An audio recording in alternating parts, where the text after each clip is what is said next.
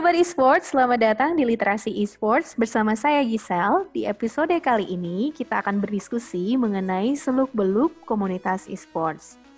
Nah, untuk teman-teman yang di sini belum tahu, ternyata kalau di Indonesia itu banyak sekali komunitas esports loh. Mulai dari misalnya nih community community heroes yang dari Mobile Legends, kemudian ada komunitas AOV dan sebenarnya masih banyak lagi Seru kan? Nah, episode kali ini kita juga akan kedatangan bintang tamu yang akan memberi gambaran lebih banyak lagi tentang seluk-beluk dalam mengembangkan komunitas esports. Langsung saja yuk kita panggil Mas Ferrando dari komunitas Hearthstone Indonesia. Hai Mas Ferrando, gimana kabarnya? Hai Gisel, aku baik-baik aja. Nama, halo semuanya, namaku Farando Prakoso. Aku yeah. pendiri komunitas game Hearthstone Indonesia atau HSID. Nah, mungkin kalian belum pernah dengar nama Hearthstone, tapi mudahnya kalian tahu Asian Games. Nah, ah. saat, saat, saat ini satu-satunya komunitas game yang punya prestasi medali perak adalah HSID. Wis, keren banget. Tanpa tanpa bantuan publisher ya, saya garis bawahi tanpa bantuan publisher loh, swadaya. Jadi kalau yang dapat medali perak kemarin Asian Games siapa lagi yang bisa tahu? Yes, mantap. itu itu nah, semuanya persiapan. Hmm. Gimana tuh ceritanya? Gimana tuh ceritanya bisa sampai dapatkan medali medali perak? Perak itu udah keren hmm. banget loh. Gimana tuh ceritanya bisa dapetin medali perak? Sharing dulu uh, dong. Oke, gue sharing dulu ya. Jadi High Side itu sebetulnya gue bikin ketika belum ada namanya e-sport e-sportan lah ya. Tapi di tahun 2010 hmm. untuk turnamen dengan antar negara, gue udah ngerasain dan Indonesia tuh juara empat dunia. Oh wow. Untuk empat game dunia. Iya, Amerika lewat, Prancis lewat, Rusia lewat, Jerman lewat, kan negara-negara yang kalian anggap jago itu di sports itu di e-sport tuh sama lebih di bawah kita. Hmm, oke. Okay. Nah, HSID gue bikin 2014, artinya mm-hmm. mundur 4 tahun sebelumnya, mm-hmm. data ini udah muncul bahwa gue ngerjain project Pegasus. Pegasus itu adalah Hearthstone. Oke, jadi nama uh, Hearthstone itu dari Pegasus. Project Pegasus. Itu persiapan mereka aja 8 tahun. Jadi engineer aja nyiapin game buat Hearthstone itu 8 tahun. Uh, aspek sosial budaya karena gue fisik belakang background gue HI. Hmm. Jadi gue melihatnya gimana ini berguna buat generasi generasi-generasi yang di bawah gue. Artinya gamer di zaman gue sama gamer di zaman sekarang akan berbeda karena zaman sekarang kan mainnya kan di yang ini kan di handphone kan. Mm-hmm. kalau dulu kan gue mainnya harus di begini lebih jauh. Otomatis yeah. volume otak gue lebih gede jadinya. Pengaruh itu. Pengaruh ya. Nah, nah berarti kan yang harus yang sama adalah game itu kelasnya tuh harus triple A. Karena gue kan pengalaman di game industri kan. Triple A yang bisa di handphone itu apa? Hearthstone Hmm, iya ya bener juga ya. Jadi Hearthstone ini dia bisa di handphone, bisa di PC, hmm. nah, bisa di tablet. Betul. Nah, moving forward ya ke 2014 gue bikin, kita udah ada perencanaan lima tahun ke depan. Mm -hmm. Berarti kita udah setting untuk win condition. Oke, okay, buat bicara win condition itu salah satu bahasa di Hearthstone yang artinya kita udah membicarakan gimana langkah-langkah untuk mencapai kemenangan gitu. Kalau di catur kan 6 sampai 14 langkah. Mm -hmm. Kalau di Hearthstone 4 sampai 8 langkah lo udah bisa setup win condition. Oke. Okay? Nah, sebelum untuk bicara kenapa gue bikin biar gak satu kali, gue itu adalah yang pengen gue capai motivasinya adalah value stream. Value stream kalian tahu kan aliran sungai yang terus mm -hmm. mengalir dengan nilai bahasa Indonesia itu. value stream in the river. Sungai mengalir terus kan. Nah, kebudayaan itu kan tercipta di dekat daerah, daerah aliran sungai, pinggir laut, atau pegunungan. Nah, ini gue bikin alasan komunitas itu karena gue udah memprediksi dalam 10 sampai 20 tahun ke depan semua orang akan ada namanya community yang mempererat mereka. Karena keter, era keterbukaan informasi itu dunia menjadi kecil. Semua yeah. orang terhubung. Benar tuh. Globalisasi harus, ya. Ya globalisasi yang menandai dengan hilangnya blok barat blok timur. Jadi siapa yang menguasai informasi dia yang memenangkan persaingan. Ya saat ini seperti itulah Ya, oke. Okay. Seperti yang uh, gue sebut tadi, kenapa sampai ke Asian Games? Karena kita udah plotting dari awal. Oke, okay. ketika e-sport nanti keluar, berarti kata e-sport itu harus dipikirin kapan keluarnya. Nah, Hearthstone enaknya kerjasamanya langsung dalam regional kita. Nah, di Asia Tenggara langsung regional, gue ketemu ketua-ketua komunitas game game Hearthstone yang lainnya di tiap negara, bikin turnamen ya Indonesia juara juga kita. Juara baik individu baik tim. Sampai wow, luar biasa ya. Hmm, sampai kita bisa uh, masuk di turnamen dunianya yang hanya ada 48 negara diundang. Jadi jadi Blizzard ngargain kita ngundang perwakilan dari komunitas. Wow. Hmm. nah Nah. Tapi kan itu kan orang awam nggak tahu kan, jadi paling gampang Asian Games lah. Oke, balik lagi sebentar ke 2014. Kenapa sih gak harus disiapin semuanya? Karena kita nggak mau, gue sebagai pendiri dan foundernya, gue nggak mau bikin cuman jadi hobi aja.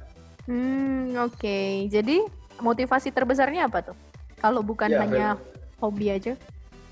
Gue mau bikin mereka bukan hanya jadi hobi aja, tapi lapangan pekerjaan juga. Jadi kesejahteraannya diperhatiin Nah, selama lima tahun ini kan gue udah perhatiin bahwa dari mereka masih belum kerja, sampai mereka kerja, sampai belum mereka, berarti kan satu fase tuh, satu siklus.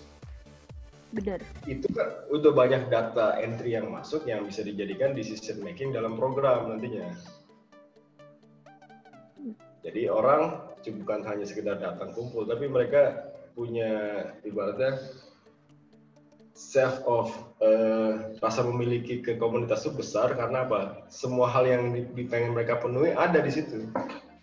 Ekosistem, mereka bisa dapat pekerjaan, mereka dapat apa, dan alasan-alasan yang tidak perlu nanti ketika mereka menikah udah di ada apa FAQ-nya daripada itu yang baru tuh di apa? Gue baru baca ke mana tuh? Uh, lebih penting main game daripada istri itu. Oh. Apa tuh? FTV kalau nggak salah ya. Jadi FTV. gamer udah dianggap iya gamer tuh dianggap bah, uh, dianalogikan ke masyarakat tuh gamer itu udah addicted gitu. Iya, buat sebagian orang mungkin yang tahu gamer itu udah addicted, mungkin dengan menonton apa yang Mas Farando sampaikan ini mungkin jadi berubah perspektifnya. Saya yakin sih. Iya, itu kan fear sebetulnya. Yang ditampilan dari film itu kan bukan film sih. FTV itu apa ya? Iyalah, kayak film singkat gitu ya, sinetron ya. Bukan sinetron ya. Lebih kayak, iyalah, film singkat gitu.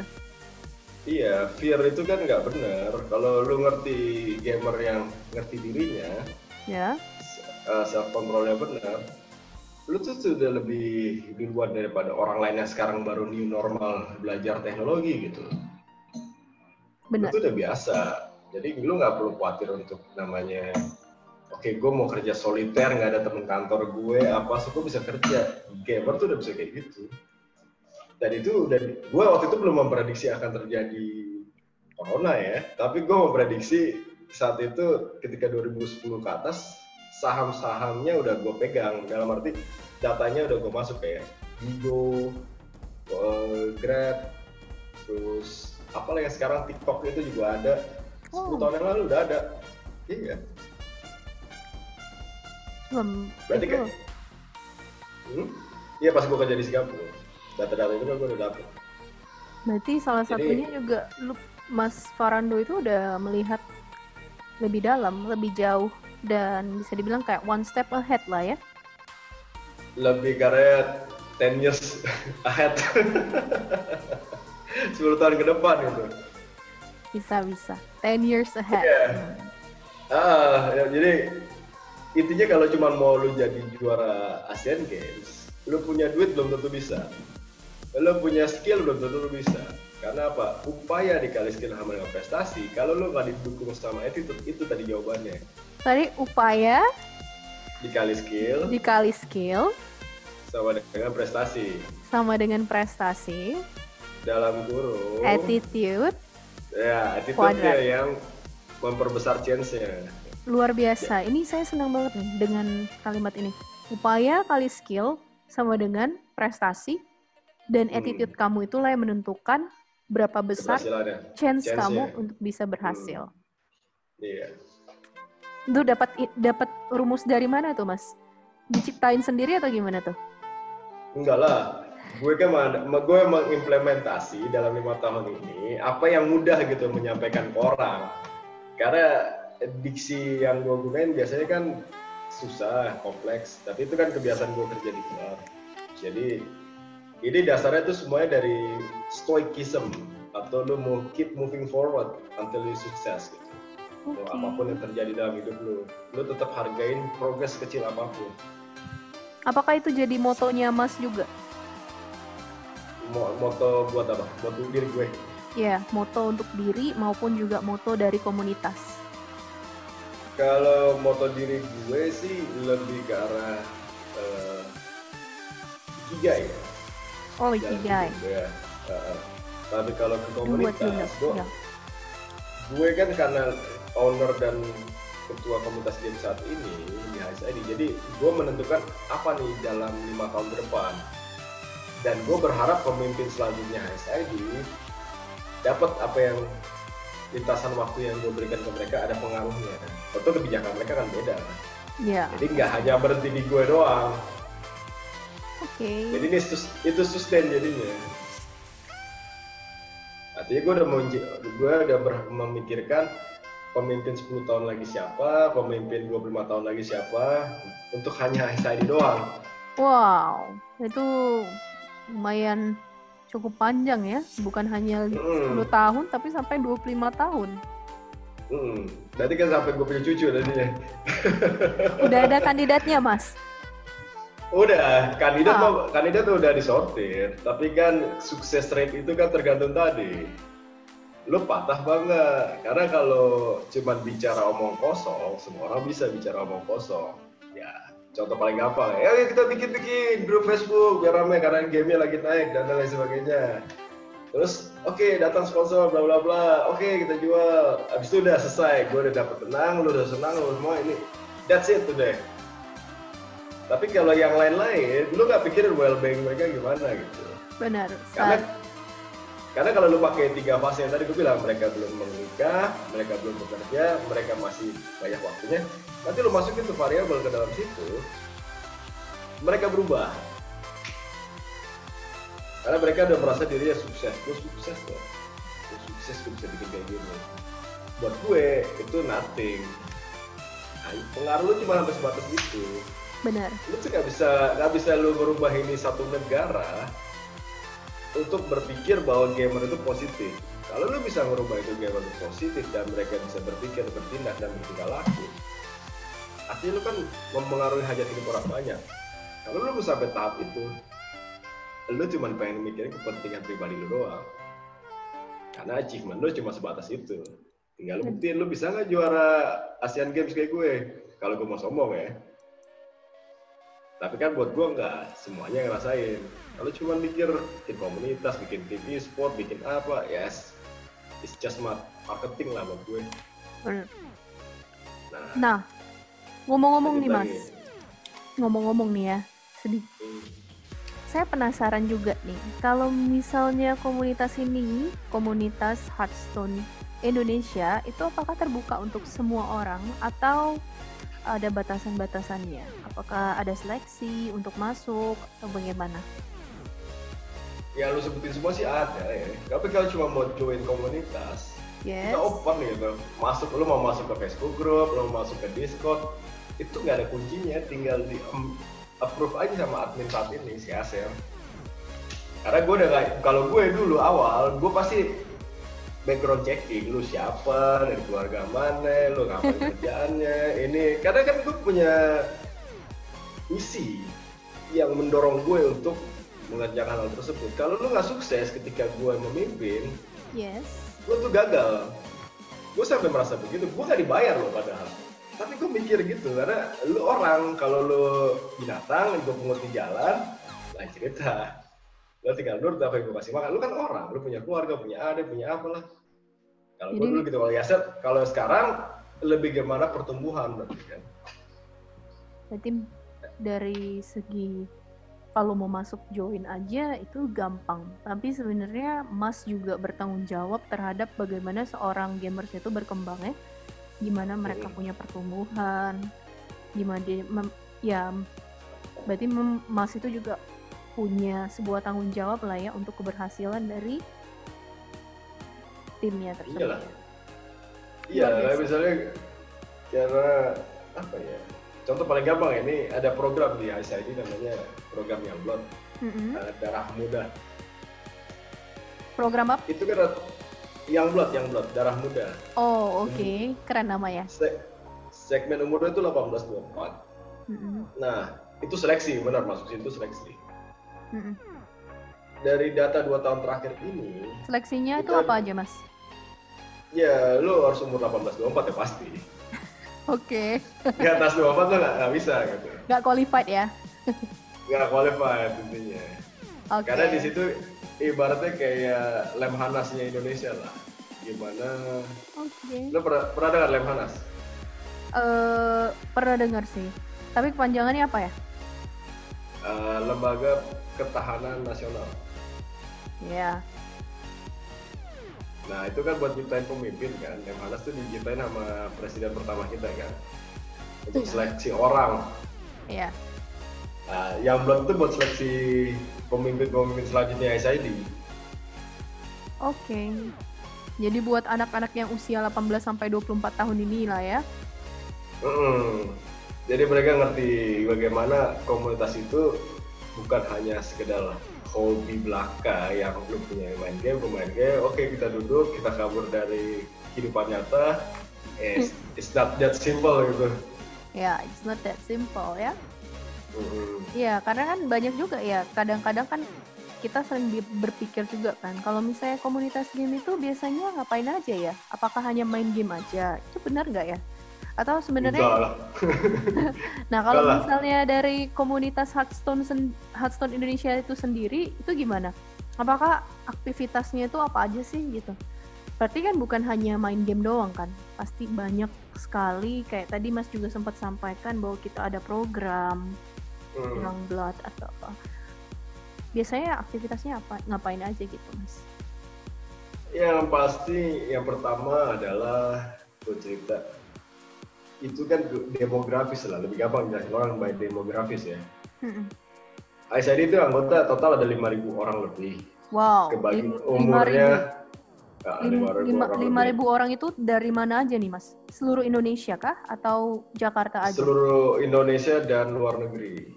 Wow, berarti sampai ke luar negeri juga ya? Kalau di luar Iya. negeri itu, apakah orang Indonesia aja atau boleh dari misalnya orang asing itu masuk ke komunitas kita, komunitas Hearthstone Indonesia? Karena gue ngerti fisik, jadi gue melihat lu harus warga negara Indonesia. Banyak kan, kecuali lu emang ah, apa namanya, ibaratnya berguna bagi kepentingan ICD, baru gue masuk, baru masuk. So berarti orang-orang Indonesia mungkin yang merantau ya, merantau ke luar negeri, terus pingin gabung bisa ya? Hmm, bisa. Karena itu tujuannya apa? Jadi ketika dia kan 18 nih, mereka baru lulus SMA, apa? Mereka kuliah di luar negeri. Tapi karena masuk dalam jaringannya SID, gue bisa ngejelasin, oke nanti lo ketemu dia di sana. Dia itu anak SID juga. Lo tinggal ketemu lah. Bagus-bagus lo satu kampus atau satu wilayah. Saling tolong menolong intinya. Jadi perantauan ada jaringan informasinya dari SID. Kita udah sampai tahap itu. Wow, luar biasa. Berarti udah besar banget ya. Ya besar karena kalau ibaratnya secara pengaruh HSID itu biarpun nggak perlu orang tahu pengaruhnya besar karena apa jaringan informasinya terjaga dengan ketat dengan ketat ya. Yang kedua jalur uh, masuk ke yang blog itu untuk fakta paling gampang.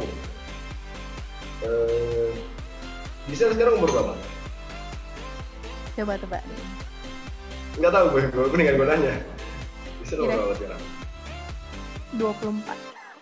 24, berarti kan batas umurnya paling atas kan di yang blood kan. Nah, salah satu anggota yang blood aja umur 19 ada 19 atau 20 gitu.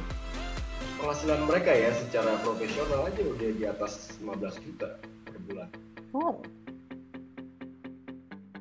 Jadi corporate capital mereka nantinya dalam demografis itu ketika mereka 25 34 mereka nggak jadi bos tuh.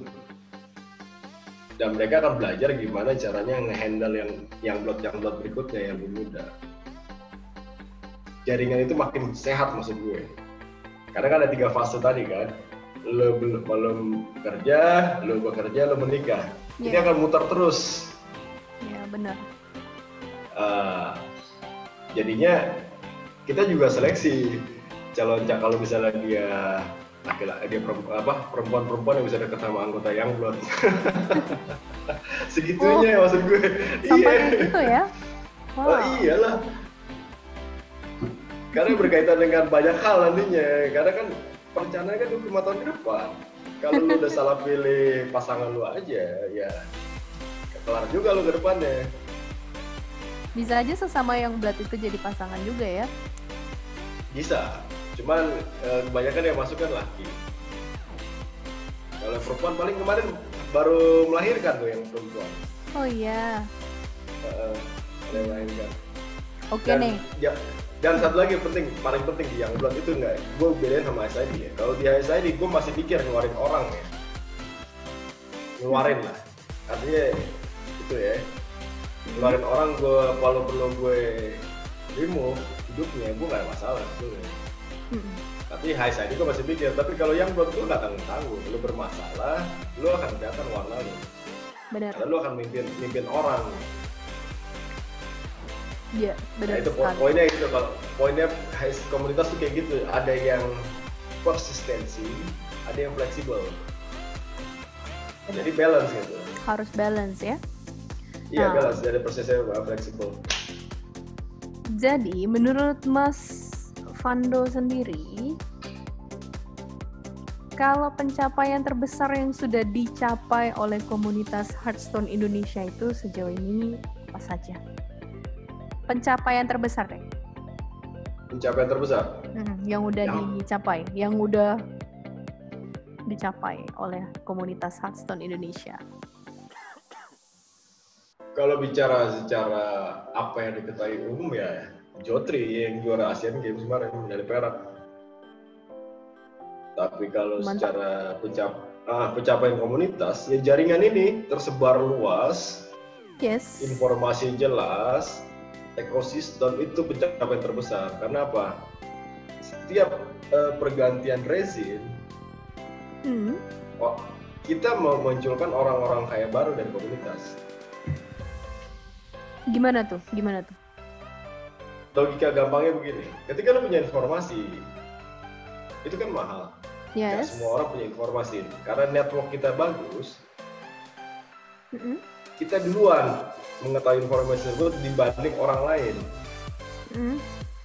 yeah. jadi ibarat, ibaratnya teknologi lo berapa langkah di depan orang lain tentu lo akan ada namanya competitive advantage kan Benar. Dan itu kan memunculkan orang kaya baru Benar sekali ya. Nah, teringat dengan competitive advantage yang di mana kalau misalnya what you have that others don't have, apa sih yang kita punya kita miliki di mana orang lain tidak memilikinya. Jadi kalau misalnya gitu, apa sih yang membedakan komunitas Hearthstone Indonesia dari komunitas gamer lainnya? What is your competitive advantage? Power kita punya power. Oke. Sesimpel itu. Gimana tuh power powernya tuh boleh dideskripsikan nggak mas? Ya paling gampang gini aja, komunitas game lain, mereka kan cuma bicara, eh, oke, okay, gue punya duit, gue wealthy gitu, wealthy, Yes. gue bisa bayarin lu apalah semuanya. Tapi mereka nggak punya dalam di Polexos put Hankam, Hmm, mereka nggak punya salah satu pilar itu. Pilar apa tuh? Ya, yang nggak boleh dirubah dari pilar itu di Indonesia hanya ideologi kan. Sisanya politik, ekonomi, sosial, budaya, pertahanan, keamanan. Itu kan bisa orang kita bisa masukin kan. Iya. Nah, itu itu power. Nah, pengetahuan tentang power ini aja ketua komunitasnya apalagi orang yang juga belum tahu caranya itu apa. Hanya memikirkan, oke gue akan aman dengan gue bikin ini, akan aman dengan gue bikin ini, that's it. Indonesia only ya. Tapi untuk achieve ke global dan keep hal-hal itu, gimana ada global, eh, regional, nasional sama lokal ini sinergis dan selaras itu gue nggak lihat sampai saat ini orang yang pegang itu hanya numbers yang mereka pegang dan Just power power iya power itu mereka hanya sampai tahap itu yang ibaratnya eh apa ya dalam terang lah dalam terang mereka punya tapi kalau dalam abu-abu gelap gue nggak yakin mereka punya Benar. Oke. Contoh contoh paling gampang nih kalau perbandingan ini gini. Misalnya demografis ya. Kalau orang doing business sama lo kalau nggak percaya sama lo akan terjadi closing nggak? Nggak kan? Nggak. Nggak. Karena level kedekatannya kecil, apalagi hobi beda. Berarti belum ada yang namanya wah, reason to believe dia kenapa harus percaya sama dia kan? Ya. Nah, terlalu panjang lah cerita-cerita lah. Tapi kalau di SID, power itu mempengaruhi semua orang dalam bentuk namanya sphere of influence. Jadi ketika satu orang leader bilang A dan yang lain bilang A, B, C, D, E, kita masuk ke dalam satu variabel nama achievement, Ya. yang ngelawan itu akan mentah. Kenapa akan mentah? Karena achievement lu tidak bisa mengalahkan achievement itu untuk menulis ulang cerita sejarahnya. Sesimpel gini misalnya gue bilang sama. Gue bisa eh, mengakui bahwa juara Asian Games itu pencapaian dari HSID. Kenapa? Karena yang keluar tenaga, biaya, menggerakkan orang, uang, itu gue kepalanya. Tapi yang juara kan orang lain. Tapi kalau dia nggak didukung semua hal itu, tidak akan terjadi namanya medali perak gitu. Nah, kalau orang yang mau ngelawan lu dalam komunitas itu kan gampang. Ah, lu punya apa, lu punya apa, gue punya ini, bla bla bla. Tapi achievement tuh nggak bisa dilawan. Lu punya duit nggak bisa kayak gitu. Lu punya orang nggak bisa kayak gitu. Kan itu harus selaras sama seimbang. Setuju. Dan itu power, itu yang sulit. Dan kebanyakan komunitas itu tidak sadar siapa lawannya. Hmm. Contoh paling gampang, Pak. Gue bisa perusahaan gede, gue datang gitu. Wah, gue ke perusahaan gede ya, pegang license bla bla bla bla. Tapi dia lupa lawan lu tuh siapa. Kalau lawan lu gue, gue nggak tahu siapa lu gue bilang. Karena apa? Gue dari keluarga yang lama dan lu mau macam-macam sama gue. Kalau gue fakta aku juga kuat, gue gak akan takut. Jadi lu mau bawa siapa kek, jenderal siapa? Nah, gue gak akan pikirin karena gue juga keluarga gue keluarga militer kan, gue gak akan takut sama lu. Karena gue melakukan tindakan yang benar buat orang lain. Nah, kebanyakan komunitas game tuh nggak sampai tahap itu. Iya. SID sampai. Makanya yang mahal itu dari SID sebenarnya adalah trust dan networknya itu dalam 25 So- tahun ke depan. Power, trust, and network ya. Iya. Nah, Mas, kalau misalnya nih Mas Pando diminta untuk menyebutkan satu kata yang tepat untuk menggambarkan komunitas Hearthstone Indonesia, kata apa yang bakalan Mas sampaikan? Ya pengamalan Pancasila sih dulu paling gampang ini pengamalan Pancasila. Ya karena bokap gue lah. Bokap gue kan satu kata aja nih. Oh satu kata ya? Ya yang tepat untuk menggambarkan komunitas Hearthstone Indonesia. PKN PPKN lah. Ya PPKN lah itu lah. Paling gampang PPKN kenapa karena PPKN? sebuah ya karena menurut gue setelah gue setelah diri gue apa yang gue lakukan selama lima tahun ke belakang sampai sekarang itu ujung-ujungnya ppkm berarti bokap gue secara nggak langsung menyelipkan itu di kepala gue bahwa you, have lot of option lu jangan takut. Kalau lu ya lu didukung dengan fakta hukum. Tapi kan ujung-ujung kan pengamalan kan? Gue mengamalkan apa yang didapat kakek gue bokap gue apa yang gue dapat buat orang lain gitu.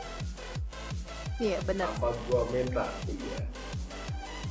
Seru karena sekali. kan yang, yang, iya karena kan ujung-ujungnya kan gue mikir kalau generasi selanjutnya lebih ancur dari gue gimana gitu gue pikirnya sayang banget gitu kan luar kayak biasa gitu lagi salah oke. PKN lah kalau gak PKN ya seru sekali ya pembahasan kita ini ya mas ya. Sampai gimana ya setelah saya mendengarkan apa yang sudah disampaikan oleh mas Pando sendiri itu saya jadinya wah pingin banget nih langsung ikutan gabung ya. Nah kalau misalnya uh, kita bisa lihat lagi mungkin banyak sekali hal positif yang bisa kita dapatkan dari bergabung dengan komunitas. Nah, untuk bagian selanjutnya, kita akan lebih membahas mengenai cara mengembangkan suatu komunitas e-sports. Penasaran kan? Stay tune ya guys. Nah, gimana nih Mas Farando? Masih semangat kan ya? Masih dong. Oke, jadi ini kita langsung langsung lanjut aja ke part 2 lebih ke arah leadership ya. Nah, Mas Farando, para gamers itu kan sering tuh bermain seru-seruan, terus uh, biasanya sih bareng-bareng sama teman-teman, terus buat komunitas. Namun sering sekali komunitas itu ada yang tidak bertahan lama. Jadi kalau menurut Mas Farando, apa sih yang diperlukan agar komunitas itu bisa sustainable atau berumur panjang? Boleh nggak di-sharing? Oke, okay. gue sharing tentang HSID kenapa bertahan selama ini ya. Ya. Oke, okay. uh, karena hal yang paling mudah itu adalah ujungnya dulu lu mau ke mana nantinya. Kalau komunitas nggak tahu ujungnya mau ke mana, lu nggak akan bisa ke mana apa-apa. Nah itu pertama. Yang kedua, di masalah kepemimpinan artinya adalah leadership. Yes. Nah, leadership itu kan banyak cara. Salah satunya adalah lo harus ngerti tentang namanya civic. Civic itu atau lo civilize, artinya lo harus bisa civilize orang. Kalau bahasa Indonesia-nya apa ya? Bahasa Indonesia-nya, lo ngerti nggak orang yang beradab tuh kayak gimana gitu? Kalau lo nggak beradab, lo nggak bisa dipimpin artinya. Dan civilized itu kan ada pilar-pilarnya, ada enam. Yang pertama itu adalah power.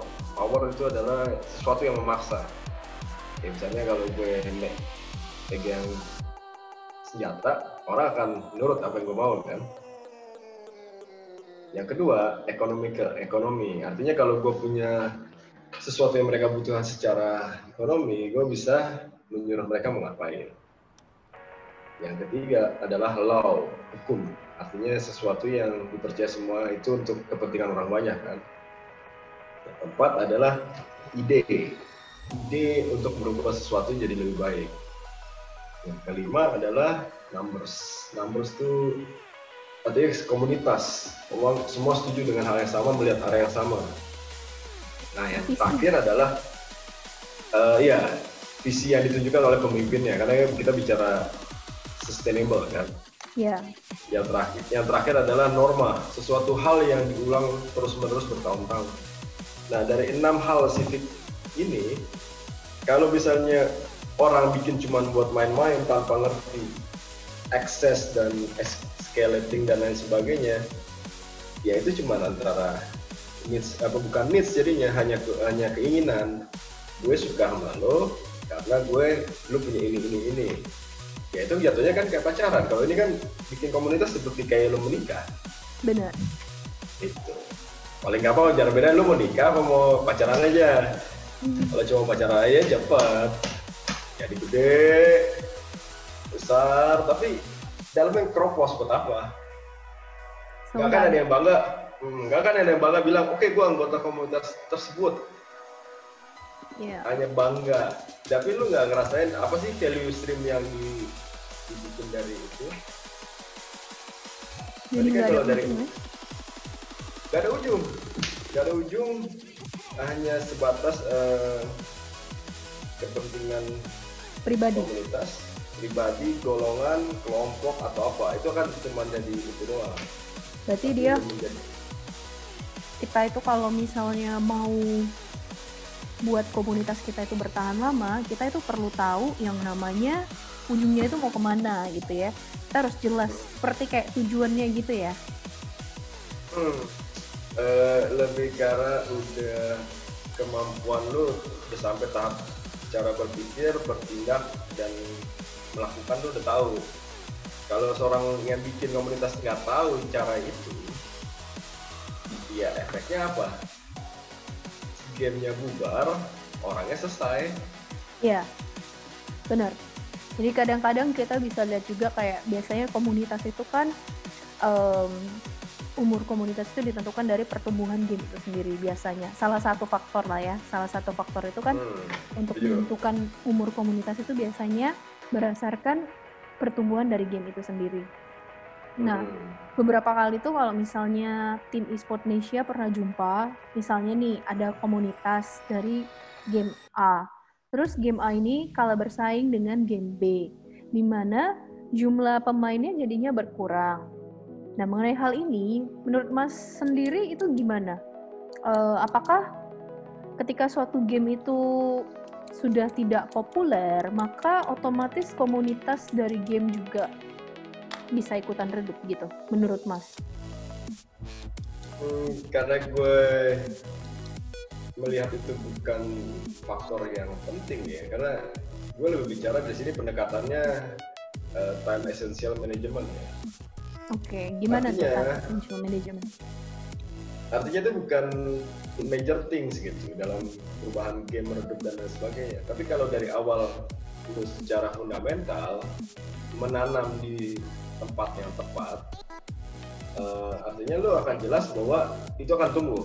Yang kedua, perumpamaan gue adalah kalau lo mau bangun rumah di atas tanah yang tidak bukan batu karang atau apalah pasir apa, ya udah pasti lo kebayang ke depannya lo pakai roboh tuh rumah jadi menurut gue itu lebih ke arah perencanaan ya dari awal bikin komunitasnya. Karena kalau cuman oke gara-gara game si A, si G ini ini meredup. Itu bukan menurut gue bukan komunitas. Kalau menurut gue komunitas itu rasa memilikinya itu bukan ke gamenya, tapi gimana dia merasa nyaman dalam ekosistem komunitas tersebut. Kalau bahasa Indonesia, bahasa Indonesianya apa ya? Pemberdayaan Bener. Pemberdayaan lu di komunitas tuh ngapain? Apakah lu nantinya akan dapat pekerjaan? Is, is one thing sih. Apakah lu akan dapat income? Second things. Apakah lu akan dapat knowledge? Knowledge power gitu. Yes, knowledge is kalo, power. Kalau lu kalau lu nggak punya itu buat apa? Lu bikin komunitas buat gue, ngumpul-ngumpulin orang, terus lu berharap dapat sponsor dari orang lain karena anggota lu banyak terus lu berharap nanti dapat dari sana karena menurut lu gamenya lagi naik eh itu buat gue minute things gitu karena bahasa gue politik dictates the economy kalau lu gak punya political power buat mengaruhi itu ya lu selesai-selesai juga. Jadi cuma bicara itu doang ibaratnya. Iya iya iya iya. Kita kumpulin orang kita banyak nih. Kita cari sponsor lalalala ya kan? Oke okay, gue seneng nih. Terus lu cuma digaji berapa ya? dua ratus ribu gitu. Lu berharap hidup gitu dengan dua ratus ribu karena kan sini political power itu bukan artinya political kayak kita bikin partai dan lain sebagainya bukan tapi uh, the heavy and burden the achieve you have itu nggak bisa di dispute sama orang Iya. Dan Setuju. orang punya duit, belum tentu mau dengerin orang lain. Tapi kalau orang punya achievement yang nggak bisa dicapai orang punya duit atau punya banyak orang, dia akan dengerin dulu. Itu disebut political, pengaruh. Benar. Nah, kalau orang yang mau jadi pemimpin nggak punya pengaruh yang kuat, bikin komunitas, ya ibaratnya gue bilang, ya lu jadi PNS aja sana. Iya PNS aja sana ya kan, nurut tuh, yes man, yes pak. Yes, man. Ya pak, ya kan yang penting gaji saya aman, keluarga saya tenang. Saya gimana gimana, sama ya kayak gue, kalau kalau bokap gue biarpun dia PNS, gue gue ledekin sama dia. Lu kenapa nurut sama bos tuh? Wah, apa aja punya, ya maksudnya dia bukti nyata ya. Bokap gue berani ngelawan menteri saat itu, kalau dia nggak sesuai sama prinsipnya. Tapi kalau lu cuman pengen duit dan selamat, ya di mata gue nggak ada nilainya. Iya, benar sih. Nah, ngomong-ngomong Ya. nih, tadi kan ada dibilang yang penting ya dapat duit gitu ya motivasi-motivasi lain. Nah, kalau menurut Mas Fando sendiri, sebenarnya manfaat kita sebagai seorang gamers itu gabung ke dalam sebuah komunitas gamers itu apa sih manfaatnya yang didapatkan? Yang paling gampang adalah kecerdasan majemuk lu terlatih. Bahasa Indonesianya yang gue dapat itu ya, kecerdasan majemuk. Kecerdasan majemuk tuh ada sembilan. Nah, dalam semua dalam game itu secara technically itu kan namanya AGE, Action Gathering Experience. Ya. Tanpa sadar lu masuk di kepala lu tuh Action Gathering Experience. Tapi di dalam pendidikan di negara kita tuh nggak ada namanya kecerdasan majemuk. Contoh, intrapersonal. Eh, dalam, dalam kita ngobrol sama orang banyak, ada nggak lu sadar lu melatih intrapersonal diri lu? Tentu Nggak saja. juga kan? Jarang kan? Benar. Sadar akan nama, nama kata intrapersonal, interpersonal, apalagi eksistensial. Hmm. Nah, kejahatan majemuk itu ada di dalam game. Artinya dibalik nih jadinya. Brainnya dia menyadari bahwa oke ini hal yang pengen gue, ideal buat gue. Tapi dia belum bisa wujudin ke real life-nya dia. Hmm. Tapi dia kan punya gambaran. Berarti kan kalau urutannya itu adalah dia imagine-nya kuat, imagine. Habis dia imagine, dia engage kan. Habis dia engage, dia think gimana cara wujudinnya. Baru terakhir dia enacting. Oke, gue bikin game plan, gue begini, gue begini, gue begini. Siklusnya muter. Ya itu jawaban gue. Kecerdasan majemuk ya. Iya, sama majemuk lo jadi kelatih tuh masuk tuh. Bener sih, gue setuju dengan hal itu. Nah, ngomong-ngomong sendiri nih, ngomong-ngomong nih, Mas Pando, kalau misalnya komunitas itu kan biasanya berbasis hobi ya, hobi, Hmm. atau dia itu juga bersifat non-profit ya. Jadi, menurut Mas Pando sendiri, dalam memulai komunitas itu gimana sih cara menggerakkannya? Oke, menggerakkan itu ibaratnya gue anggap kayak gerbong ya. Iya, Benar kan? bener. Kalau gerbong itu, lu kan butuh lokomotif. Kan? Nah, lu udah tahu dulu rel lu mau ke arah mana. Pertama bikin relnya dulu nih. Oke, relnya. Artinya gue ngerti cara bikin rel, gue di game publisher pernah melakukan, gue di game publisher luar gue pernah melakukan. Berarti gue udah tahu rel akan ke mana-mana di stasiunnya. Benar kan? Iya, Ah, oke. Sekarang gue belajar mikir, oke kalau gue ini gue butuh lokomotifnya. Lokomotifnya apa nih? Kecepatannya berapa nih? Akan berhenti di mana aja? Berikutnya gue cari gerbongnya yang kapasitasnya berapa. Itu perumpamaannya. Tapi cara yang menggerakkan yang paling dasar adalah pertemanan. oke. Oke, Kenapa? Karena lu bisa merasa dihargai. Feel comfort, comfort karena dihargai itu penting. Orang kayak misalnya gue cerita, oke gue uh, knowledge lu bisa doing this, that, apalah bisa kayak gitu. Tapi dengan ngomong, orang itu merasa dihargai karena dia bisa ngerasain namanya hubungan yang selaras gitu. Iya, being appreciated ya. Mm, tapi kalau di game karena itu teks bentuknya, kita nggak bisa merasakan wajahnya, suaranya, atau apa yang kita dengar. Akhirnya kan kita tidak terlatih emosinya, bisa kapan aja. Nah dengan adanya komunitas, kita punya alasan untuk berkumpul. Nah, kalau Artinya- misalnya kayak COVID-COVID gini masih bisa, sorry dipotong. Kalau Hmm. masa-masa COVID gini masih sering berkumpul nggak? Iya, bisa. Kan kumpul bisa di Zoom, bisa di grup WhatsApp, bisa di Discord, bisa di dalam game. Artinya tuh boundaries yang berkumpul itu hilang di gamer. Justru Hanya kita saja- identi- di, iya, Hanya saja nggak langsung ya, tapi gunain apa Iya. teknologi dan media ya. ya, teknologi dan media. Ya. Terus tadi, sorry mas, lanjut mas. Hmm. Tadi katanya Eh, pertemanan. Pertemanan yang pertama. Kalau pertemanan itu memperkuat namanya eh, kenapa lu share some vision sama gue gitu. Apa sih benefit gue? Karena itu ada di tujuh fase. Artinya orang butuh tiga hal dulu. Oke, gue mau ikut komunitas ini, apa untungnya buat gue pasti. Hmm. Yang kedua, kalau gue iya, apa yang harus gue lakuin? Yang terakhir adalah kalau udah gue tahu, gue harus eh, apa sih itu kalau gue jelasin ditanya orang. Baru yang keempat dia harus komitmen kan, artinya dia masuk. Mau gagal mau berhasil ya gue masuk dulu. Ya, Nah itu salah satu empat fase awal yang harus diketahui sama orang yang bikin komunitas. Karena ujungnya ini bukan dilempar ke atas ya, tapi lu pantulin ke bawah. dus. Dibanding, ya lu pantulin ke bawah karena apa? Lu kan intrapersonal ke dalam diri lu. Oke, kenapa gue begini? Supaya muncul namanya tadi pertemanan interpersonal bergabung kan. Kenapa sih orang harus bareng deket gue? Gue ngerasa nyaman gak sama dia ini dan lain sebagainya. Supaya menentukan pantulannya ke mana nantinya ketika dia melambung. Hmm. Luar biasa nih, nih, Mas Mas Pando ini kayaknya benar-benar sudah sangat berpengalaman sekali nih. Dan Gue berpengalaman ini aja belajar ngebacot. Ya kan? Iya ngebacot ya.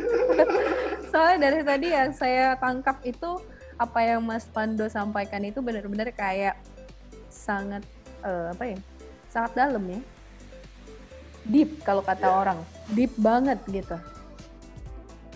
Jadi, Jadi banyak pengaruh tahun 2010 kalau nggak salah ini gue juga belajar ya 2010. Gue sebelum sempat cerita tadi. 2010 itu gue dikirim kan ke dari publisher game di luar negeri nih. Ke mana ke- Mas? Ke Jepang. Oh oke, nice. Ke Jepang Nah. ngapain tuh Mas? Ya acara publisher game gitu. Gue wak, wak- gue waktu itu, oh ya ujungnya gue juara empat dunia deh. Bawa tim tim satu belum ada e-sport ya. Gue juara empat dunia. Wow, keren Ngalahin, dong. ngalahin Am- Amerika, Rusia dan lain sebagainya sama anak-anak Bandung. tuh.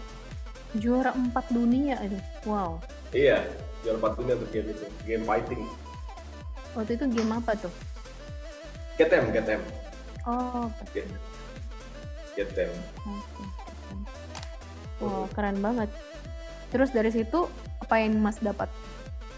Nah, ini ada sisi lainnya. Jadi ada Hmm. sisi lainnya. Gue harus ketemu sama salah satu guru besarnya bokap gue kan. Hmm, siapa itu? Ya orang-orang yang berbaju hitam itulah. Dengan kacamata-kacamata itu. Orang-orang tua gitu. Ya kan bokap gue kan veteran kan, salah satu veteran. Jadi ada guru besarnya orang Jepang kan. Tapi Oh, ketika di perang, ya perang kemerdekaan, nggak salah gurunya dia itu. mm-mm. dan gue harus menyerahkan sesuatu ke dia jadi gue menyerahkan ah, titipannya bokap gue itu apa dan dia cuma jawab satu hal oke eh, dia masih megang dia sampai saat ini. Dia masih hidup berarti. Wow. udah gitu doang. Tapi kalau gue lihat tuh orang di belakangnya ya orang-orang baju hitam dengan kemeja-kemeja hitam badan besar kayak gitu dengan kacamata hitam ya gua anggapan gue ini siapa gitu kan? Ada Iya. bodyguard deh. Ya ya bokap gue cuman izin itu doang titip ke dia ketemunya di dekat tempel-tempel gitu lah. Jadi gue sempetin gitu tetap gue ngerasain ada hal yang diminta orang tua gue gitu. Nah hubungannya dengan yang tadi gue ceritain itu Mm-mm. artinya kalau lu nggak punya sisi lain untuk melihat apa yang lu inginkan artinya lu tetap lu butuh kebutuhan. Orang tuh punya kebutuhan. Jadi tetap lu lihat sisi lainnya juga kebutuhan lain yang bisa menunjang itu. Itu juga penting supaya nggak jadi namanya oke okay, kita gamer gamer ya enggak. Yeah. itu kan kayak lu nanti hamil punya anak dia kan nggak mungkin jadi bayi terus kan? Bertumbuh terus. Nah itu sama aja kayak gitu.